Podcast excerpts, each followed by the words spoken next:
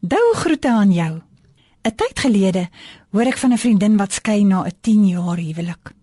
Omstreeks dieselfde tyd merk 'n joernalis 'n berig oor Hollywoodster se troue op. Ons sal maar sien hoe lank die ene gaan hou. Hoekom hou die liefde deesdae nie meer nie, wonder ek toe. Verstaan ons liefde reg? Wat is liefde? Van dese week is Valentynsweek en ons gaan die week kyk na die liefde. In 1 Korintiërs 11 vers 3 lees ons: "Die man is die hoof van die vrou, soos Christus die hoof is van die kerk." Haai, moenie afskakel nie. Dis nie net ou goed wat jy al gehoor het waaroor ons gaan praat nie, daar's nog 'n ander kant. Nou kom ons kyk. Wat beteken hoofskap? Wat is 'n hoof? Man 'n hoof is soos 'n leier. Nou, wanneer is 'n man 'n hoof in 'n huwelik? Wel, daar's 'n voorbeeld.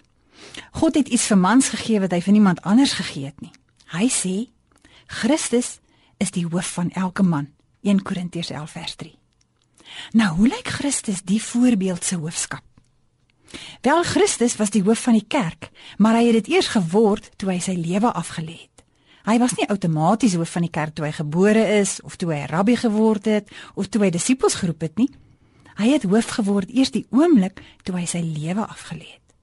So 'n man is nie outomaties hoof van sy huishouding en sy huwelik net omdat hy 'n man is nie. Hy moet eers sterf voordat sy huwelik kan lewe. Wat beteken dit presies? Vra jy dalk. Mens kan tog nie doodgaan nie? Nie? God bedoel nie net fisies sterf nie. Dis die maklike deel.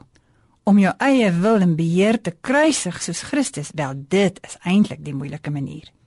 Om aan jouself en wat jy wil hê, nou te sterf. Jou eie wil en giere af te lê by die kruis, dis hoofskap. Die man is met ander woorde gemaak om vir die vrou te sterf. God sê self, watter groter liefde is daar as iemand wat sy lewe vir sy vriende aflê? Johannes 15 vers 13. So watter groter liefde is daar as 'n man wat sy lewe vir sy vrou aflê? Christus het dit vir ons gedoen. Ja, innerlike sterf kom nie van self nie. Ja, wel dit het ook nie vir Christus van self gekom nie. Dink 'n bietjie oor sy gebed. Here, laat hierdie beker by my verbygaan. Lukas 22 vers 42. So, omdat dit so moeilik is, kom ons bid vir God se leiding.